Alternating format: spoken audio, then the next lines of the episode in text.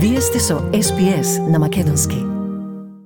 Советот на македонските амбасадори отворањето на така наречениот културен клуб во Битола со име Иван Михајлов го оцени како несоодветен обид за промоција на напредок во приближување на ставовите на двете влади. Советот на амбасадорите вчера издаде соопштение во кое се вели – Присуството на бугарската делегација на отворање на клубот со контроверзно име на човек чија улога не е до крај разјаснета од историски аспект, представува несоодветен обид за промоција на напредок во приближување на ставовите на двете влади, кој би резултирал со почнување на преговорите на Македонија и на Албанија со Европската Унија. Советот на амбасадорите смета дека посетата на бугарски политичари од различна провиниенција, како представници на одредени политички партии, на владата, парламентот и председателот на државата, а по покана од Сдруженија на бугари од Македонија, предводени од премиерот Кирил Петков, што го посетија градот Битола, а дел од нив и Охрид, можеше да биде во функција на натамошно јакнење на добрососедските односи меѓу двете пријателски земји. Советот на амбасадорите го поздравува ставот на премиерот Петков дека ветото за преговори на Македонија со Унијата не носи ништо добро ниту за македонските бугари, што е признание искажано прв пат од бугарски политичар. Од друга страна, изјавите на поранешната министерка за надворешни работи и сегашната, како и на подпредседателката, говорат за неединството во владината коалиција и председателот по прашање на ветото. Посебно јавноста во Македонија во негативна конотација ги прими крајно непромислените и контроверзни изјави на подпредседателката за положбата на бугарското малцинство во Македонија и македонското малцинство во Бугарија. Ваквите стојалишта, се вели во сообштението на амбасадорите, го објаснуваат составот на делегацијата и намерата на самото место и со контролирана провокација да се испита отпорноста на македонската страна, која ако реагираше нервозно или дозволеше да се предизвика инцидент, ќе им дадеше аргументи на противниците за несимнувањето на ветото, а бугарскиот премиер ќе имаше оправдување зошто и натаму би одбивал да гласа за почнување на преговорите. Советот на амбасадорите високо го оцени фактот кој укажува на тоа дека и покрај провокацијата инцидент не се случи.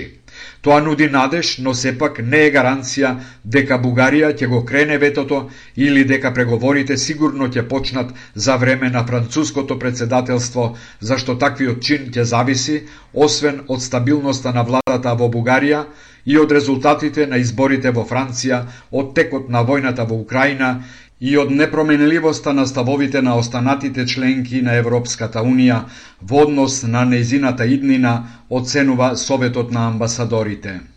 Советот на амбасадорите смета дека Македонија треба да се подпре најмногу сама на себе да ги зајакнува собствените капацитети на демократијата, економијата и заедништвото, не дозволувајќи поништување на македонскиот идентитет, јазик и култура, што обстојувале со векови на овие простори, се вели во сообштението на Советот на македонските амбасадори. Лидерот на најголемата опозициона партија ВМРО ДПМН е Христијан Мицкоски преку медиумите побара Европската Унија и Брисел, како што рече, да стават крај на политичката агонија кон која Бугарија се обидува да ја однесе Македонија. Мицкоски упати порака и до македонскиот премиер Димитар Ковачевски, во која му сугерира да побара од Петков вакви клубови бугарските власти да отворат во Благоевград, во Сандански или во другите градови на Бугарија во кои живеат македонци. Наместо напред со европска визија, ваквата политика на властите во Софија обвини Мицкоски не враќа назад и нема никакви европски вредности.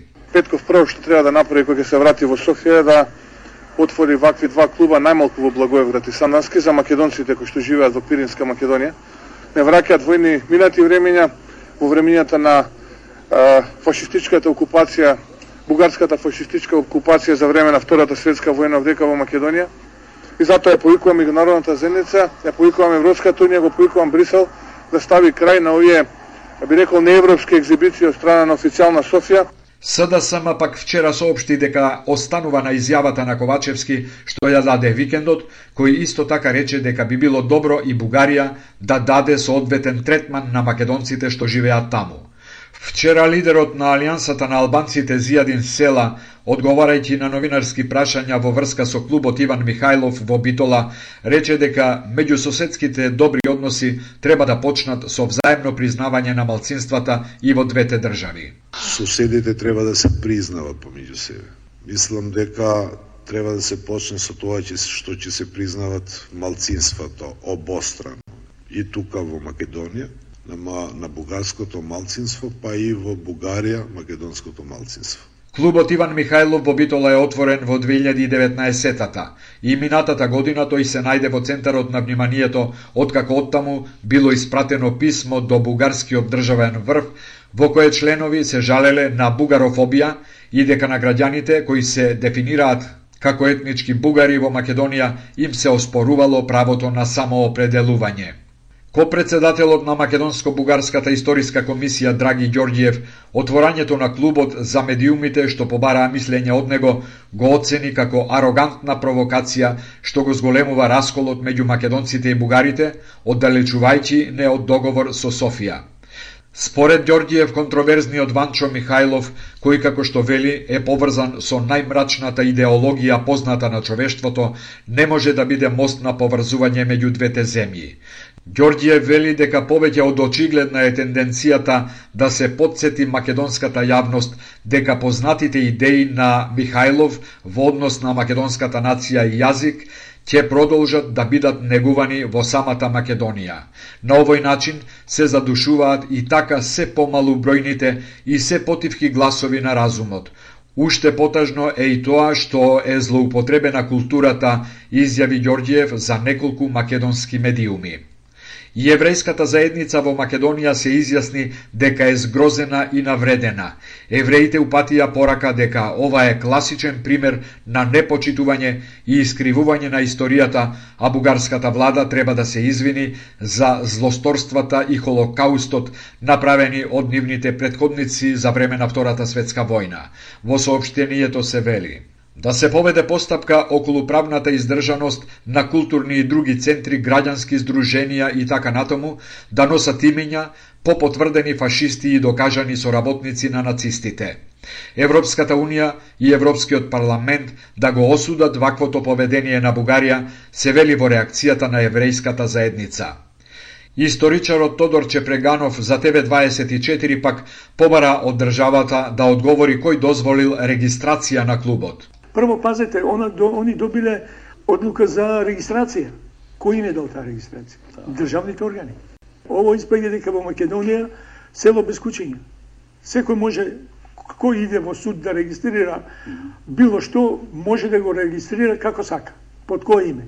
Ко-председателот на Македонско-Бугарската комисија за историја Драги Ѓорѓев сепак информира дека има напредок на последните две средби на комисијата, односно дека има приближување кое води кон затворање на прашањето за препораките за учебниците по историја. Сакате ли да чуете повеќе прилози како овој? Слушате подкаст преку Apple Podcasts, Google Podcasts, Spotify или од каде и да ги добивате вашите подкасти.